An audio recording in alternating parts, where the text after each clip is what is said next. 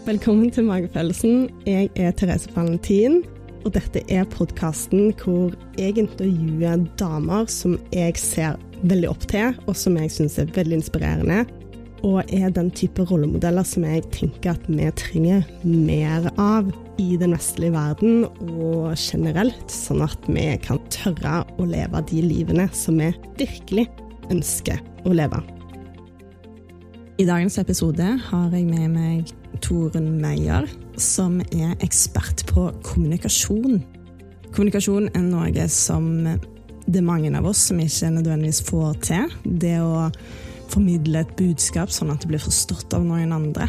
At vi inspirerer andre med det vi brenner for, istedenfor at vi informerer og kanskje kjeder folk rundt oss. Vi snakker mye om effekten kommunikasjon kan ha, både positivt og negativt. Dette er en episode om et tema som jeg syns er vanvittig viktig og spennende, og jeg håper dere lærer mye. God lytt! Velkommen hit. Takk. Hei, hei. Veldig hyggelig at du hadde lyst til å komme på besøk. Ja, veldig hyggelig å få komme hit. Mm. Vi har allerede tatt en liten prat om hvorfor jeg hadde lyst til å ha deg med, og jeg syns det er spennende det du driver med. Um, hadde du lyst til å fortelle litt om din reise, og kanskje litt spesielt hva som inspirerte deg til å jobbe med det som du jobber med nå? Jeg er opprinnelig skuespiller, mm. um, så jeg jobba mye med Der kom jeg med en uvane. Det kan vi egentlig ta med en gang. Disse ø-lydene mm. som kommer rett før vi skal si noe. Mm. Nå gjorde jeg det sjøl, og jeg trener jo andre i å ikke gjøre det. Så det er litt av det jeg brenner for. Å mm. kunne hjelpe andre med utfordringer i kommunikasjon. Som skuespiller så blir jeg trent opp til å kunne gjøre en rolle. Og da tar vi jo bort alt av uvaner. Vi finner karakteren, vi utvikler karakteren. Og så ble jeg interessert i ok, kan jeg bruke dette på andre enn meg sjøl. For man blir veldig opptatt av seg sjøl som skuespiller, og man jobber med seg sjøl i en gruppe. Så du jobber jo med andre òg, mm. men du, du, har ansvaret for deg sjøl. Så det å kunne bruke de teknikkene på å hjelpe andre til å bli tydeligere i kommunikasjon, var det jeg brant for og fikk lyst til å utforske. Så, så sånn begynte det. Og det er kjempegøy. Så kan mm. jeg kombinere og gjøre begge deler. Det er jo helt perfekt. Hvordan er det du jobber nå, da? Nå jobber jeg mest med kursing. Og nå det jo, har det jo vært korona, så da har det blitt eh, litt mindre av alle ting, egentlig. Men eh, mest med det. Men jeg filmer av og til, gjør litt, litt småting fortsatt. Så spennende. For det å formulere seg på en måte som sørger for at mottakeren forstår det du sier, det er det kanskje ikke så veldig mange som egentlig får til, opplever jeg. Hva tror du er liksom konsekvensene av at vi egentlig ikke er så gode på å kommunisere? Dårlig kommunikasjon, det, det kan jo være mange til, mm. ting. Det kan jo være at man ikke får til det man ønsker, at man eh, får ikke kommunisert det man vil, det man brenner for. Det er klart at Hvis mottakere ikke får det man ønsker at de skal få, så kan det bli misforståelser, det kommer ut noe helt annet. Um, man får jo mindre selvtillit av å ikke klare å få ut det man ønsker, eller ha trua på det. Det er jo mange ting man kan mm. ta tak i der. Både privat og profesjonelt. Men jeg tenker at det viktigste er å trene på ting, bli bevisst ting, prøve ut mm. og trene på det. I settinger hvor det er mulig, da. Hvor mm. du får mulighet til å trene. Ja, for jeg ser jo for meg sjøl eh, Jeg har øvd ganske mye på dette. Både på privaten og i næringslivet. og ja, altså, Alle vet jo at jeg har denne podkasten av en grunn. Og en av grunnene til at jeg ønsket å lage podkast, var jo fordi at jeg tok meg sjøl i å bli veldig inspirert eller veldig gira på et tema. Og når jeg skulle snakke med andre mennesker, så opplevde jeg at veldig mange ikke var interessert i det samme som meg. Og da var det fint for det første å oppsøke andre mennesker som var interessert i det samme som meg.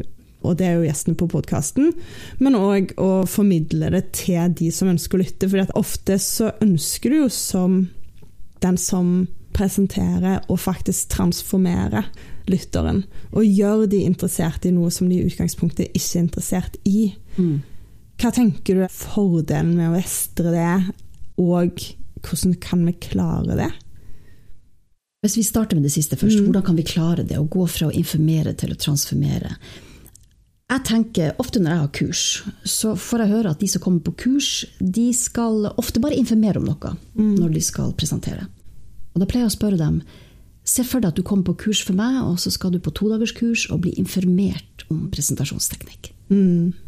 Kan du kjenne nå hvor inspirert du blir, hvor du gleder deg til å gå på det kurset du skal bli informert om mm. presentasjonsteknikk?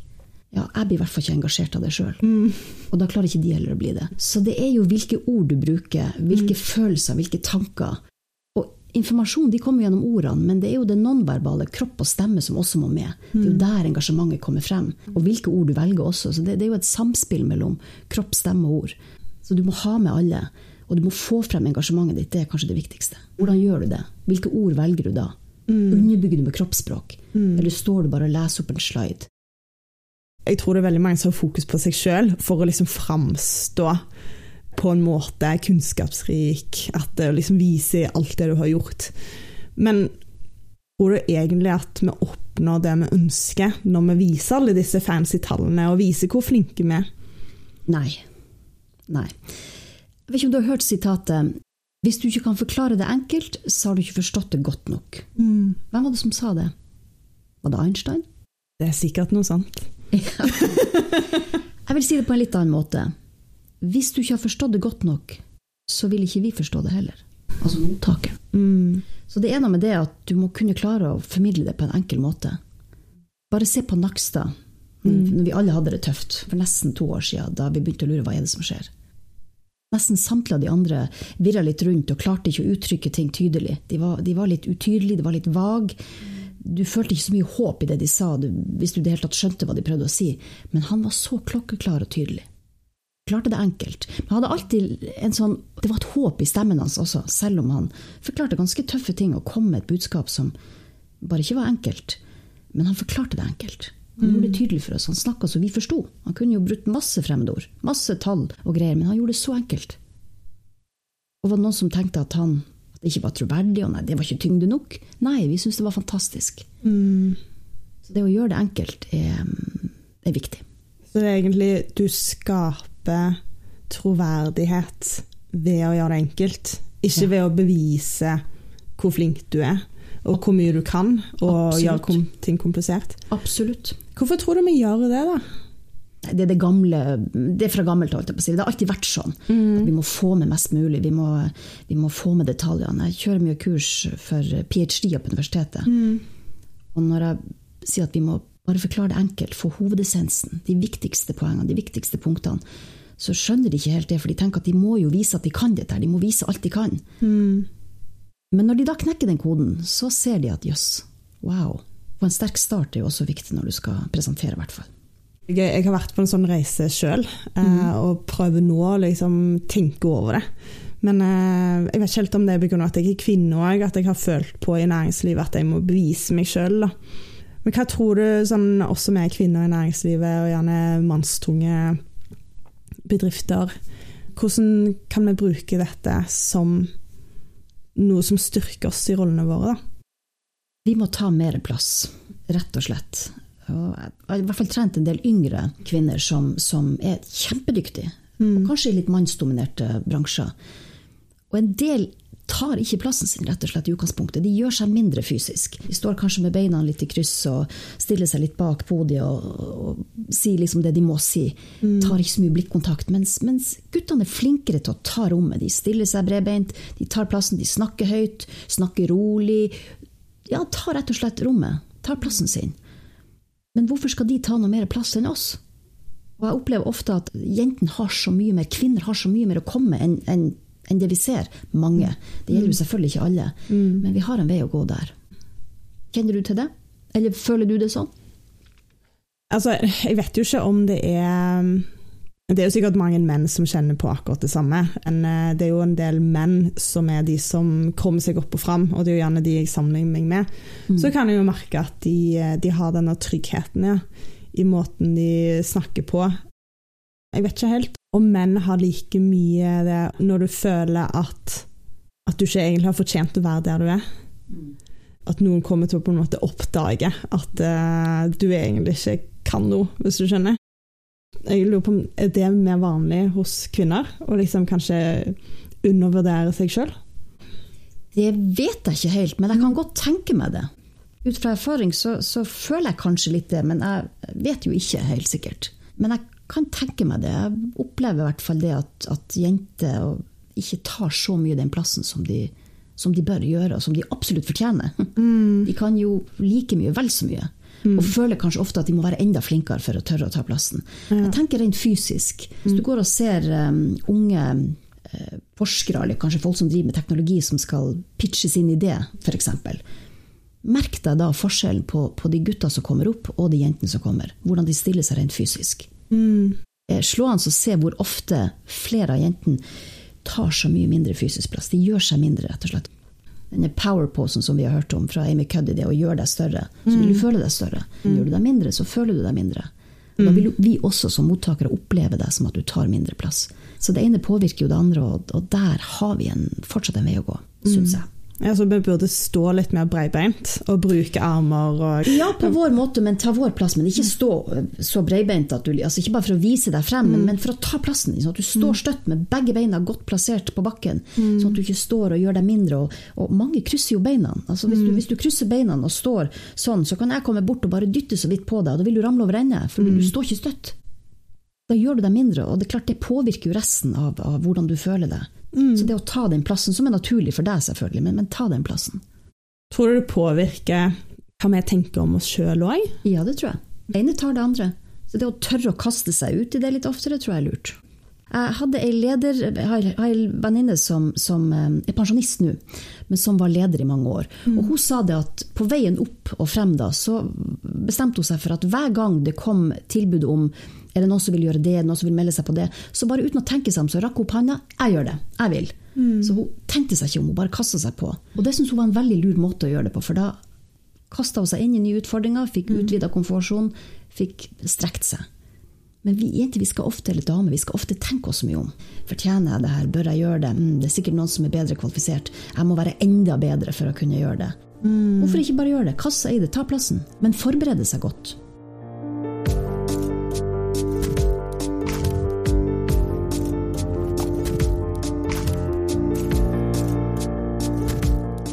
Min første jobb, jeg jobbet i Deloitte, så hadde vi vært på et sånn SAP-kurs, som er sånn veldig komplisert IT-system. Vi skulle gå to dager på kurs, og så skulle vi presentere dette her for ledelsen. Og jeg innså jo det at jeg forsto ingenting av SAP, basert på disse to dagene som jeg hadde vært på kurs. Og så skulle jeg presentere dette her for den høyeste ledelsen, og da bare følte jeg liksom bare jeg syns det var helt grusomt. Jeg bare husker den presentasjonen der. At jeg bare jeg holdt på å dø. Og det er sånn jeg kan fremdeles gå inn i den følelsen av hvordan det var. Og jeg husker den ene partneren etterpå bare sånn Jeg har aldri sett noen så nervøs i hele mitt liv. Jeg bare følte meg så dum. Og så unngikk jeg selvfølgelig presentasjonen for alt du har vært etterpå. Det er heldigvis dette nå ganske mange år siden, så jeg har vokst. Men, eh, men, jeg kan se for meg at det er mange som går i samme felle som meg, da, og bare blir skremt bort fordi at du får en veldig dårlig erfaring. Det er jo noe med å kjenne på den mestringsfølelsen når du først gjør ting. Så hva er dine råd for å eh, kjenne på mestringsfølelse? Jeg tenker jo litt på det, det kurset du var på, jeg lurer på hvor bra det var? Siden du gikk ut og var nesten enda mer forvirra enn når du kom inn? Det var jo meninga at folk skulle gå et to ukers kurs, og så fikk vi to dager hver. Nettopp. Så der allerede er jo forutsetningene ganske dårlige. Ja. Hva om du hadde kommet inn da, og så mm. tenkte du ok, jeg har ikke lært så veldig mye på det kurset. Mm. At du faktisk tar tyren ved horna rett på der med en gang. Og så kommer du med det du har lært, som egentlig var svært lite. Ja. At du hadde turt å tatt, i hvert fall i starten av presentasjonen din, virkelig tatt dem, tatt, fanga oppmerksomheten deres ved å fortelle hvordan dere gir oss mulighetene og ikke gir oss mulighetene, hva, hva vi sitter igjen med, mm. hva det fører til. Kunne det ha vært en awakening for visse i ledelsen? Ja, det hadde jo sikkert vært nyttig, det. Når du tenker tilbake, så, ja. men det er klart, du følte ikke for å gjøre det da. Nei, da hadde jeg, det var liksom akkurat uh, utdanna, jeg hadde jobbet der i to måneder eller noe sånt. Jeg skjønner, jeg ser det, ja. så du, du, føler når du er så ung, og det er jo kanskje ja. spesielt da folk erfarer det. Mm. Og gjerne de som er enda yngre, de som går på studier eller på skole. da. Og mange tenker jo sånn. Mm. Men tenk, tenk, litt over hvor ille kan det være? Altså, hvis du setter i perspektiv, hvor ille er det egentlig? Ok, så traff jeg ikke helt der. Hva må jeg gjøre for å gjøre det bedre? Mm. Hva, må, hva må funke? Nå var jo det litt litt spesielt i og med at dere fikk så kort tid, og at du skulle lære deg såpass mye, og du i tillegg var stressa for å presentere. Så, så utgangspunktet var jo ikke det beste uansett. Men så er det jo viktig å tenke etterpå ok, og ikke være så hard med seg sjøl. Og av og til så kanskje vi er hardere med oss sjøl enn, vi- enn vi ville vært med vår verste fiende. Altså. Mange av oss er ikke så snille med seg sjøl når det gjelder sånne ting. Og vi drar oss sjøl så ned. Trenger vi egentlig det? Ja, jeg husker jo etter den presentasjonen der, så tenkte jeg bare sånn Han partneren må jo tro jeg er helt blåst i hodet, liksom. Ja, Og så har jo han vært fersk en gang, og ny en gang. Kan jo godt hende at han kjente seg igjen. Alle har vi jo vært der. Og det er jo ikke sånn at selv om noen utstråler trygghet og virker så selvsikre at de nødvendigvis er det. De er jo bare forskjellige. Jeg tenker at eh, det er kanskje mange rundt en som en tror er både trygge og de er så mye bedre enn meg. Men det er klart, de har jo sine ting. sånn at alle har vel har jo tanker rundt, og det er ikke alle som føler seg så trygge, men noen skjuler det bedre enn andre. Men det viktigste er jo at du ønsker å lære og utvikle, at du ser at ja, men dette her, dette her vil jeg faktisk ta tak i. Jeg vil mestre det. Og jeg tenker at tenk til alle de som presenterer, gang på gang, og gruer seg like mye hver gang. Bruker så mye energi. Begynner kanskje forberedelsene litt vel seint, etter min smak. Men når de da begynner, så blir de kjempestressa. Det går rundt, det kverner rundt, bruker masse energi. Og så kommer du opp, får nesten ikke sove nesten natta før, og så får du en dårlig opplevelse, og så bare får du dårlige på dårlige på dårlige opplevelser og gruer deg hver gang. Tenk å bruke så mye energi på å grue seg til noe sånt. Det kunne vært så fint. Ja. Mestringsfølelsen, den er inspirerende. Så hva må til for å få den? Hva måtte til for deg for å få den? Mm, forberedelser. Jeg har trodd at jeg ikke er god på å lære ting utenat. Men det er jo fordi at jeg eh, ikke har gjort det så mye. Så det som virkelig hjalp meg, det var å ha fokus på publikum og budskapet mitt, hva jeg ønsket å oppnå. For da hadde jeg noe å hente meg tilbake til hele tiden. Før så har jeg nok hatt mer fokus på meg. Hva tenker de om meg? Tenker de at jeg er smart? Men når jeg fikk det til å handle mer om publikum, og, og, og det jeg ønsket at de skulle sitte igjen med, så forsvant nervøsiteten. Og så var det så mye lettere for meg å hente meg inn når jeg rota meg litt bort. Og så plutselig opplevde jeg at det var det vanskelig egentlig å rote seg bort. Flott, det er jo akkurat det det handler om. Få fokuset bort fra deg sjøl. Det skal ikke gå innover, fokuset skal gå utover. Energien skal ikke gå innover, energien skal gå utover. Og akkurat som du sier, på mottaker og budskapet. Helt flott. Skulle tro du hadde vært på kurs. Satt på YouTube. Men det er det mange av oss sliter med, at fokuset går innover. Du begynner å tenke hva de syns om deg, og du tenker også på nå må jeg huske det, nå må jeg gjøre det. Du blir opptatt av de tekniske tingene som egentlig ja, hva betyr de? Alt det du må huske, alt det du må gjøre. Den sliden må komme på det. Jeg må gjøre sånn. sånn, Hvordan går dette her? Og så begynner du å dømme deg sjøl. Ok, følger det med? Nå er det ei som har øynene igjen. Herre min, åssen skal det her gå? Det her blir jo ræva. Jeg hadde en teaterlærer som sa If you think you're crap, you are crap. Og det ser jo mottaket med en gang. Ja. Så disse tankene du har inni deg, hva du tenker om deg sjøl, når du får mulighet til å bare fokusere på deg sjøl, de er jo nådeløse. Så det er helt riktig, få fokuset bort fra deg over på de andre, og det krever jo forberedelse, da. Og forberedelse, forberedelse er så mangt. Den viktige og den riktige forberedelsen. Det er mange måter å gjøre det på, men det er jo ikke alle som er like bra. Nei, jeg opplevde faktisk det at noen ganger så forberedelser for meg trenger ikke nødvendigvis å lære presentasjonen utenat, men å kunne temaet godt nok. Så da satte jeg liksom meg ned og fikk nok kunnskap om det jeg ønsket å presentere, så når jeg skulle presentere, så på en måte poppa ting litt sånn inn i hodet, da. Men så lenge du har nøkkelordene kanskje foran deg, så gjør det jo ikke noe om du ikke har et helt manus, for du vil jo kunne komme deg inn igjen hvis du kan materialet ditt såpass godt at du bare trenger kanskje noen nøkkelord her og der, eller punkter på de ulike temaene, så du vet hvor du er. Og det er jo absolutt lettere sånn eh, Forskjellen nå er jo når jeg skal presentere, så snakker jeg jo gjerne om noe som er mitt fagområde. Og det er jo mye lettere å snakke om noe som du vet at du potensielt kan bedre enn de andre som sitter i rommet, enn når du skal presentere noe som de andre kanskje noen ganger kan bedre enn deg, sånn som du gjør på skolen, sant? hvor du blir evaluert på noe. Men den er interessant, for der ligger det muligheter. Det er jo ingen som kan det du kan, det er jo ingen som har det perspektivet du har. Det er jo ingen som ser noe på den måten du gjør det. Og det er jo interessant. Hvordan velger du å beskrive det? Hvilke historier velger du å bruke? Hvilke retoriske grep tar du? Kanskje du skaper bilder for mottaker som man ikke har tenkt over før. Jøss, ah, nå forstår jeg. Det er jo disse aha-opplevelsene selv de ypperste innenfor ditt fagfelt kan synes er interessant at du kommer. For du, du ser det fra et annet ståsted. Mm. Så det å gjøre presentasjonen din, det som liksom tar med noe som er unikt for deg Ja, mm. ingen vil se det sånn som du ser det, og det er jo det vi er interessert i. Og selv de som kan aller mest, det er jo det, er jo det de ønsker å få. Å, ok, der, ja, det har ikke jeg tenkt på før. Ah, ok, så du så en sammenheng der. Du, ah, nå skjønner jeg. Det er jo disse aha-opplevelsene du kan gi andre fordi at du er du. Man må våge å tørre å gjøre det, og selv spesielt når man snakker til folk som man vet i utgangspunktet kan mer om temaet, f.eks. Men de kan ikke det du kan. De ser det ikke sånn som du ser det. Og sånn kan du berike deres liv. Er ikke det spennende? Jo. Det er sånn du må se det. Gjett om jeg hadde mange samtaler med igjen ph.d.-er. Fordi at de å, nå skal de presentere for noen som Og der sitter masse både professorer, det ene med det andre, og de kan jo så mye mer. og De, har, altså de er helt fra seg, for det, det finnes enkelte der som Og blir så opptatt av den enkelte som sitter bakerst der. Istedenfor å tenke at ja, men han eller hun er jo kjempeinteressert i å høre hva du har å komme med. Mm. du, hva du tenker om det og det. Alle kan vi jo utvikle oss hele livet, og vi gjør jo det òg.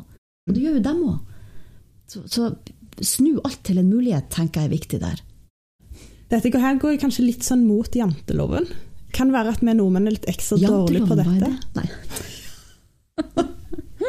ja, ikke sant? Ja, At det er litt den at vi skal ikke heve oss, da. Men det å liksom tenke at ok, selv om du er veldig god på det du gjør, så har jeg noe å bringe til deg. Å, absolutt. Absolutt. Herre min. Ja, hva kan man si? Og det potensialet som ligger i hver og en av oss.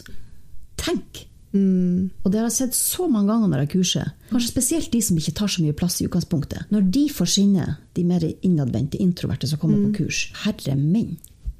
Da kommer det jo ut gull som du ikke ante var der. Og det er klart det er jo så overraskende for alle å se, og ikke minst for dem sjøl. Men da, da kommer det gull ut, og det, det, det er jo fantastisk. Ja. Så det å ha At man både blir bevisst og kan gjøre det, men også får muligheten til til å, til å få prøve seg, det er jo kjempeviktig. Ja, å bli hørt, rett og slett. ja, og jeg kan jo se for meg at bedrifter går glipp av veldig mye verdi ved at, at det er mange som ikke tør å prate høyt. da. Absolutt. De ikke tør, de, det er kanskje ikke rom, for det er kanskje noen andre som alltid tar ordet når de vet, Noen trenger jo litt lengre tid å tenke seg om og reflektere litt, mm, vurdere litt. Og når, når Carl Jens er klar til å si noe, så har plutselig Marit bare kastet seg på, for hun er kjapp, hun. Mm. Så det er, jo, det er jo litt sånne vonde sirkler man kanskje kommer i også internt på jobb rundt omkring. Man eh, ikke alltid tar seg tid nok til å slippe til de som ikke kanskje er de som er mest på. Jeg, eh, jeg har alltid rekt opp hånda, alltid uh, kunne prate i møter, har ikke hatt noe problem med det. Men så har jeg lært meg til å prøve ikke prate først, fordi at jeg vet at andre som trenger plass. Hvordan kan jeg da f.eks. gi plass til disse i dette møtet? Det kan jo være at man kan bestemme seg for at alle skal få lov til å si noe, at man gir ordet til en og en. Men det må jo gjøres på en sånn måte at når den kanskje mer innadvendte som, som trenger litt tid, kanskje, kanskje ikke føler at oi, nå må jeg, komme, nå må jeg si noe, men at, at det likevel må komme litt naturlig. Men jeg tenker det ligger litt trening i det også. Men at man gir ordet til hver enkelt, så gir man tid og rom til at de faktisk får lov til å tenke seg om og si noe. At, man ikke, at ikke stillhet er noe farlig. Man kan godt være stille litt. Kan man reflektere litt og være litt tålmodig og la enkelte få lov til å si noe. Og det kan også være lurt å la den som da har fått lov til å si noe, etter at vedkommende er ferdig, kan det godt være litt stille videre, for plutselig så kanskje han eller hun har noe mer på hjertet som kommer. Og det kan være gull. Det er bare det at de trenger litt lengre tid. Og det er jo en prøvelse for mange, selvfølgelig, men Men kan det være at møter, og spesielt store møter for sånne mennesker, egentlig er en veldig dårlig arena? for, for mange mennesker, mener du, på en gang? Ja. Det tror jeg nok. Litt mindre settinger er nok lurere. Jeg tenker at Jo flere det er, jo verre er det jo å skal si noe. Eller kan jo bli litt stressa av det og bli litt sliten av det. ja. Så mindre, mindre gruppe kan nok være lurt. Hva tenker du om det? Jeg har begynt å tenke veldig masse på dette de Mm. siste årene. Hvor mange møter jeg har sittet i, hvor møtet ikke har vært relevant for meg. Hvor vi går ned i detaljer som ikke er relevant for meg. Men jeg som alle andre mennesker har jo begrensa kapasitet til å tenke ned detaljene så mye. Jeg sitter mye med analyser og bruker hjernen min veldig mye. Så hvis jeg bruker tid på et møte som ikke er relevant for meg, og detaljer som ikke er relevant for meg, så kommer jeg ut av det møtet, og så er jeg ganske sliten. Og så skal jeg komme tilbake til min oppgave, og så opplever jeg at nå har ikke jeg hjernekapasitet til å fortsette med min analyse. Og da kan jeg jo enten ende opp med å være hun i møtet som sitter og halvsover, som demotiverer alle de andre i møtet. Eller hvis jeg prøver å engasjere meg, så egentlig engasjerer jeg meg i noe som jeg, jeg ikke trenger å engasjere meg i. Jeg tror mindre møter er bra, Mm. Ja. og at det er fokus på det som er relevant, og et nivå av detalj som er hensiktsmessig. Da. Har du kommet med innspill på det, at dere kan gjøre det sånn? Det er jo kjempenyttig. Det må jo være kjempenyttig, for du er sikkert ikke den eneste som føler det sånn. Mm. Jeg har opplevd veldig mye i arbeidslivet at folk ikke inkluderer folk nok. Så blir det litt sånn som motpol at vi er nødt til å ekskludere hverandre. Men det som er at du må finne en balanse der, fordi at du må inkludere folk i det som er relevant. Så du må ha mindre møter som er relevante for de som er der, og så vil det være relevant for noen andre, men da må du skrive møtereferater. Mm. Du må være litt sånn ok, Hvem er ansvarlig for dette? Og så ta en prat med den personen fem minutter. Men du trenger ikke å være i møte. Det høres veldig, Mm. Veldig bra ut. Og, og du brenner jo for dette, så det at du eh, involverer deg i det og, og vil komme med ideer på hvordan man kan gjøre det bedre, komme med forslag, er jo kjempe, det er jo gull verdt. For da kan man jo endre en, en møtekultur som ikke fungerer helt, Ja. og som treffer flere. Men jeg tror det altså det er overalt på arbeidsplasser med det det med kommunikasjon. Og jeg har heller ikke vært Altfor lange, for mange møter som bare Ja. varer det uendelig, og hvor man egentlig ikke kommer frem til noe. Mm. Har man tydelige mål med møtene? ja. Eller? Ikke sant? Det er jo stor forskjell på om det er mål med noe og ikke. Hva er forskjellen på et møte uten mål og mening, og, ja, og et møte som har det? absolutt. Mange ting å hente der. Ja, det er veldig mye å hente. Eh, Men ja, spesielt det å liksom sørge for å ikke ha et møte på repeat, Mm. som jeg tror skjer veldig mye. At eh, du har et møte, og så er det ingen som egentlig tar tak i det som Eller det kom, du kommer ikke til en konklusjon, eller en som er ansvarlig, eller en tidsfrist, eller prioritering. Og så har du et nytt møte, og så er det akkurat det samme, da. Hva med å, å ha, bestemme seg for at når vi går ut av dette møtet her, så er det tre punkter vi alle skal være klare og tyde på, vi, som vi tar med oss fra dette møtet. Tre tydelige punkter eller poeng eller hva det skal være, som vi går ut av møtet med alle sammen. Det vil jo gjøre at man må være litt bevisst. ok, Hva er det vi ønsker å få til? Hva, det vi, hva skal komme ut av møtet? Hva skal vi ha fått til? Skrive ned og, og, og ta med seg de tre, sånn at hvis det er andre utenfor møtet som ikke har vært der, så skal man lett bare kunne si de tre tingene dem som kom ut av det møtet. Det hadde vært mer effektivt. Og så kanskje vurdere om det trenger å være et møte. Ja, nettopp. ja. Der er det jo ved kjernen av det hele. Absolutt. Ja. Ikke sant? Min, færre møter. Ja. Yeah! ja. you get by. You can't run, you can't hide, you're no stride. So you go on and on with your show head. Nei, det jeg syns er kanskje spesielt spennende, det er hvordan du kan gå fra liksom det å informere om et eller annet du har hørt om, til å inspirere noen til å tenke dette her ønsker jeg å være med på, dette her ønsker jeg å lære mer om, og sånn ønsker jeg å jobbe videre. Og dette her kan jo være i veldig mange situasjoner. Det kan være et jobbintervju, det kan være på en date, det kan være ja, presentasjon på jobb, eh, et møte, eh, det kan være et foredrag, det kan være så mangt. da. Hvordan skaper du det? En sånn transformasjon i mennesker? Måten du presenterer deg på. da. La oss si at du er, er på et nettverkstreff, eller du er og møter noen. Og så er noen som spør deg ja, hvem er du, eller hva gjør du? Og det vi ofte gjør da, det er jo å begynne å, å å ramse opp CV-en. ikke sant? Vi sier hvem det er, hva vi har gjort. Og litt sånn, og så blir det sikkert altfor mye detaljer, og vi tar med det og det, og så er vi liksom passe stressa når vi gjør det. Ja. Eller hvis vi sitter rundt et bord og skal gjøre det samme, så er vi jo kjempestressa, og snart er det min tur, og så må jeg liksom bare si noe. Og veldig mange gjør jo det samme. Vi tar liksom CV-en. Hva hvis du heller sier Hei, jeg heter Torunn Meyer, og jeg hjelper andre med å finne sitt potensial som formidlere. Og samtidig så skal vi ha det gøy. Så går runden videre til neste. Ja, jeg, heter, jeg har gjort det og det og det, og det, og alle tar den samme. Da skiller jeg meg ut. Eller jeg kan ta en annen variant. Jeg kan si Hei, jeg heter Torunn Meyer. Jeg hjelper andre med å finne sitt potensial som formidlere. I forrige uke så trente jeg ei dame på 65 med sterk sceneskrekk til å gjøre sin første presentasjon ever. Når jeg da er ferdig, og alle har sagt sitt, så kommer det folk bort til meg etterpå. Wow! Det var spennende, for det er annerledes. Ja. Jeg, ikke, jeg ramser ikke opp bare informasjon, men jeg snakker om lidenskapet. Jeg snakker om hva jeg brenner for. Hva som betyr noe for meg. Dette tilfellet gjorde jeg for hun dama på 65. Ja. Og det sterke sterk sceneskrekk. Hun fikk faktisk klart å gå ut der og presentert. Eller det at jeg, som jeg sa først, at jeg, at jeg hjelper andre med å finne sitt potensial, og, og samtidig skal vi ha det gøy. Da kan noen komme bort og tenke ok, jeg kunne godt tenke meg å finne mitt potensial som formidler. Jeg har jo en del utfordringer der, og, og det å ha det gøy samtidig, wow, dette høres jo Hvordan gjør vi det? Sånn at du må få frem det du brenner for, på en eller annen måte. Bort fra å informere. Si det på en litt annen måte. Noe som får oppmerksomhet, men noe som også engasjerer deg. Kanskje du velger å si ting i form av en historie. Historiefortelling er jo gull. Kanskje et eksempel eller et kort utdrag av en historie, noe du har opplevd. Kanskje det er en måte å fange andre inn på. Det, det er jo så mange muligheter her. Men ikke bare stå og informere og si sånn og sånn og sånn. Følelsene våre de ligger i stemmen. Når du stilte meg det spørsmålet, hva kunne vært et eksempel for deg?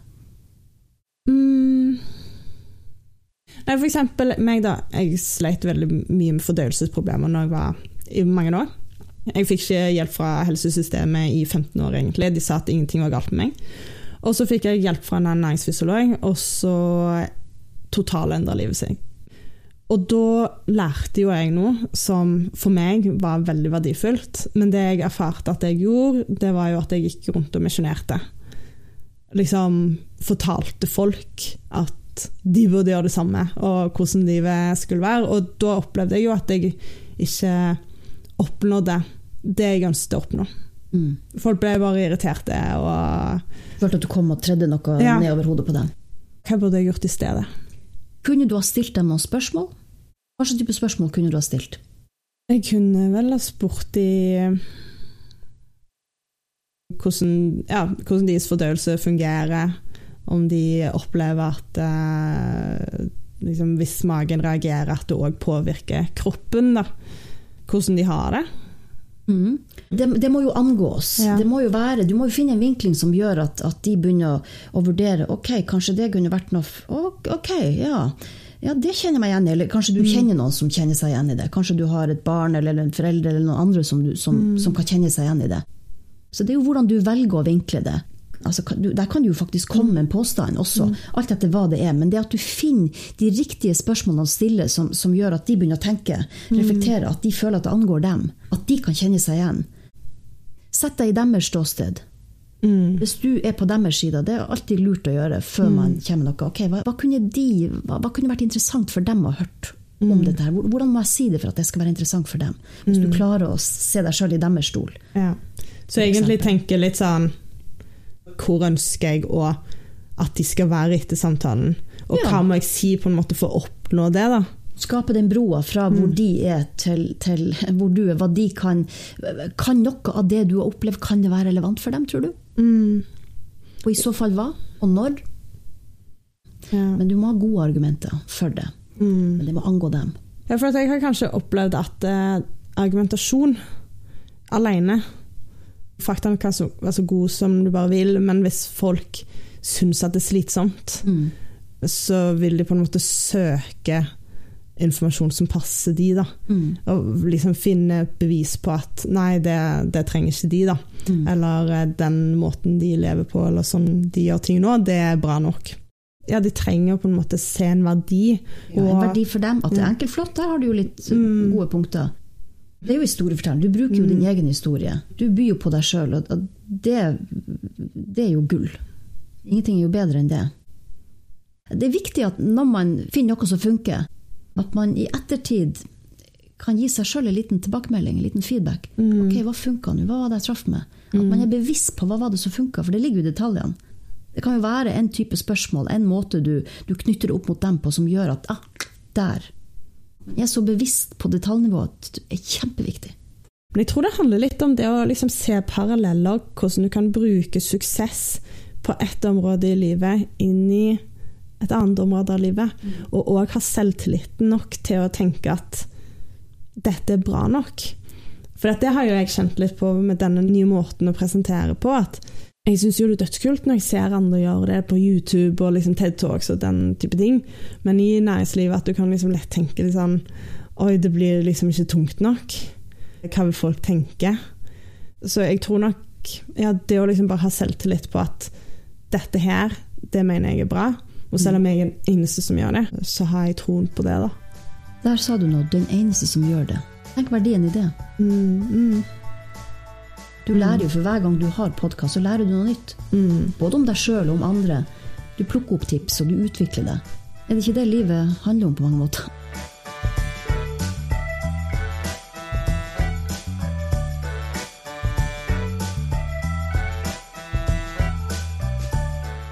Og en ting er liksom den, den tiden du sløser bort der og da, hvor du bare ikke klarer å følge med fordi at formatet er liksom så kjedelig.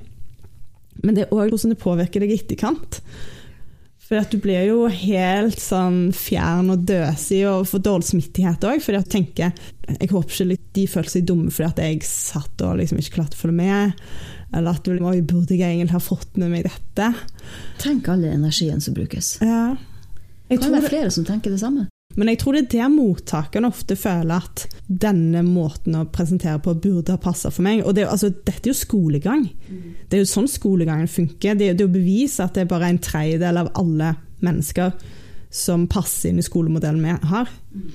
Og, og så det er jo noe vi sikkert lærer allerede fra når vi er barn, at det er noe feil med deg hvis du ikke klarer å følge med på skolen. Liksom. Du må skjerpe deg. Nei, Du er inne på noe mm, spennende der. Jeg tror du må gå litt videre i de baner og finne ut litt. Så spennende, da. Ja. Du har jo så mange, du brenner jo for mye. ja. Ja, men det er, ikke, er ikke det flott? Jo, jo, det er gøy. Ja. Nå smiler hun. Nå kan jeg si, Vi har ikke kamera på, men nå smiler hun fra øre til øre. Hun smiler med munnen, hun smiler med øynene. Nå til og med ørene. Flott. Ja, men det er jo strålende. Det at du tar opp de tingene som du Nå snur vi, nå er det jeg som begynner å intervjue deg. er ikke sant. bytte rolle? Mm. Ja, men det er bra. Engasjement. Hvorfor blir det bare viktigere og viktigere å være god til å presentere? Jeg merker jo eh, i alle bedrifter som jeg har jobbet i, så har jo kommunikasjon vært noe av det første jeg har tatt tak i. Fordi at det er så mye misforståelser, masse pekefingre, mye ineffektivitet. da. Men jeg ser for meg nå kanskje med mm, robotisering av samfunnet at vi kommer til å jobbe mer med menneskelig utvikling. Og at det er noe som vi ønsker fra mennesker, og ikke nødvendigvis fra en robot. da. Tenk også på, Vi snakka om potensial i sted. Mm. Det potensialet som ligger i hver og en av oss. Jeg tenker også på Vi kan gå fra å ha tre tapere til tre vinnere. De tre taperne, det er jo både Bedriften taper jo på det hvis du er dårlig til å presentere, du taper på det, det er jo forferdelig dårlige opplevelser hver gang. Og mottakeren taper jo. De bruker masse tid og krefter og penger tid og penger på å sitte og høre på noe som ikke engasjerer, ikke treffer. Og de sitter bare og ser på klokka eller iPad eller hva som helst, telefon, halvparten av tida. Det er jo meningsløst. Mens isteden så kan vi få tre vinnere. Bedriften din kan være vinneren. Fordi at du kommer inn og du gjør en kjempepresentasjon på vegne av dem. Og mottakeren sitter virkelig igjen med noe. Man kan jo bare tenke seg forskjellen på de to utfallene der. Det ligger jo enormt i det. Og jo mer stressa vi blir, jo, jo mindre fokus vi har i øyeblikket, og jo mer som Nå burde jo jeg egentlig vært på telefon, nå burde jeg jo egentlig vært og sjekka mailen min. Jeg burde gjort mye i løpet av den tida vi har sittet her. Man kan jo bli stressa. Nå har faktisk ikke jeg blitt det, jeg har ikke tenkt på det før jeg sa det nå. Så det er veldig fint. Men ofte så blir vi jo så stressa på alt vi skal gjøre. Konsentrasjonsevnen vår den blir jo bare skrumper jo inn, virker det som. Ja, ja. Nettopp derfor må det jo være bra, hvis du skal klare både å fange oppmerksomheten, men også å holde på den. Derfor må det være bra. Få frem det du ønsker. Kan overbevise. Apropos fra å informere til å transformere. Før så hadde vi færre distraksjoner. Vi var vant til å konsentrere oss lengre tid. Og da trengte du ikke nødvendigvis alle disse teknikkene like mye. Mens nå som vi sitter på mobilen og går inn på mobilen 200 ganger om dagen, så vi er så vant til å la oss distrahere at en kjedelig presentasjon bare blir helt umulig å følge med på. Da. Det gjør jo det, altså. Jeg ser jo bare, jeg har spilt masse teater og spilt masse barneteater.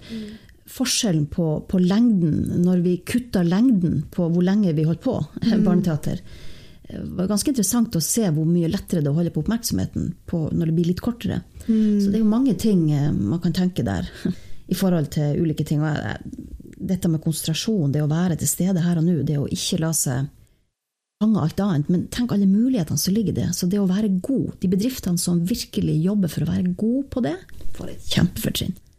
Kjempefortrinn. Tenk deg alt de får til som andre ikke vil være i nærheten av. Mulighetene som ligger i det. Ja. Og tre vinnere, og ikke tre tapere. Ja, det er jo lettere å gå den veien enn å forvente at alle skal jobbe med konsentrasjonsevnen sin. Det er jo ikke sånn at, at ting var helt elendig før heller, men jeg tenker at man slapp nok unna med litt altså dette her med masse slides, og så står du og leser opp det. Den, den tida ja, den, den er jo ikke over, for den er jo her fortsatt, men den bør være over nå, altså.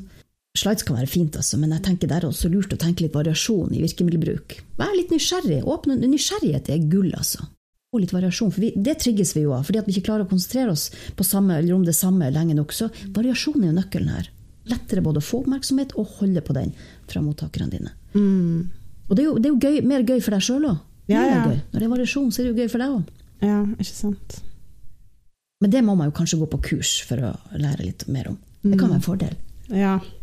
Jeg tror absolutt det er veldig mange som har mye å hente fra å, å lære litt mer om presentasjonsteknikk. Syns du bedrifter er gode på, på å prioritere det?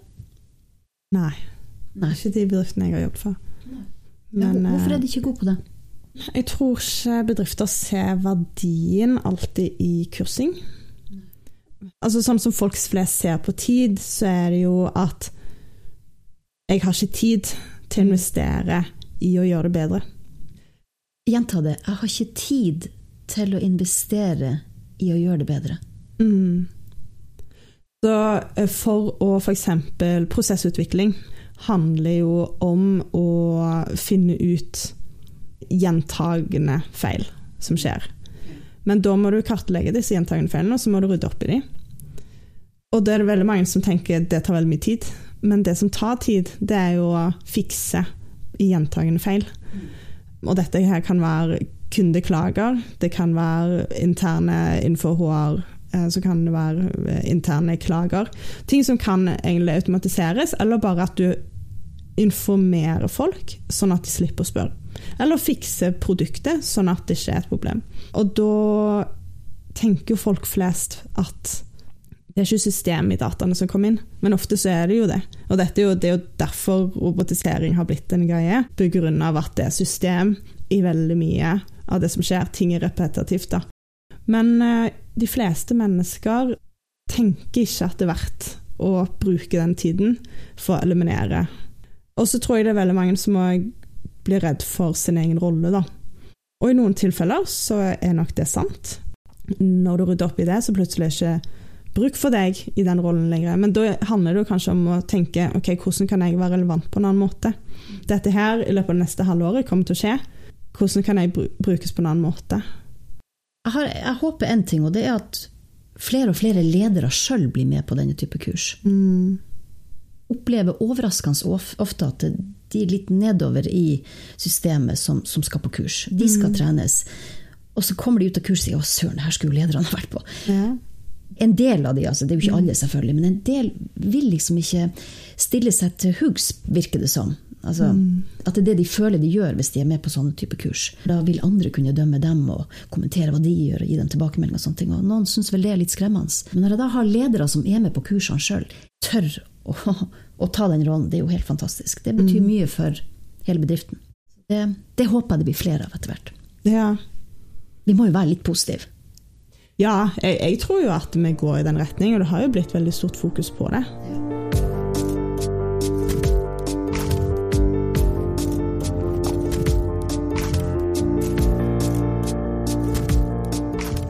Nei, det var veldig hyggelig å ha deg her. Ja, takk i like måte for at jeg fikk komme. Ja, Her oppe på toppen. Vi sitter på toppen her nå av et flott, gammelt, ærverdig bygg, gjør vi ikke det? Jo, det er et gammelt herskapshus. Ja, med nydelig utsikt. Tror når det blir grønt og ærverdig.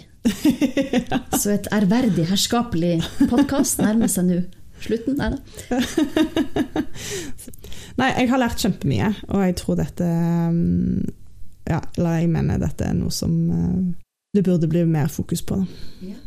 Takk i like måte. Jeg har lært veldig mye av deg òg. Ja, Så du er veldig inspirerende. Du har så mye tanker, du har så mye spørsmål. Så ja, men Det syns jeg er kjempeflott. Ingenting er jo bedre enn det. Nei. Bare husk å stille dem. Ja, nei eh, jeg, jeg er visst ganske flink på å stille spørsmål. Very good. På godt og vondt. Sa hun, men hun sier det med et smil. Det kommer et smil her, altså.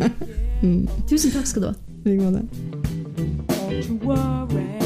Hvis du likte denne her episoden, så håper jeg at du ønsker å lytte til noen av de andre episodene mine, som ligger overalt der du kan lytte til podkast, og at du legger igjen en tilbakemelding eller en stjerne på Apple Podkast, sånn at jeg kan nå ut til enda flere med disse fantastiske historiene til disse damene. Og hvis du er nysgjerrig på meg, så kan du finne meg på Instagram. Der heter jeg magefolsen.podkast. Og så har jeg òg en hjemmeside hvor det står litt om meg. Den heter magefolsen.com. Det var alt for meg i dag. Lag deg den dagen du ønsker å ha i dag, etter de behovene som du faktisk har. Vi snakkes!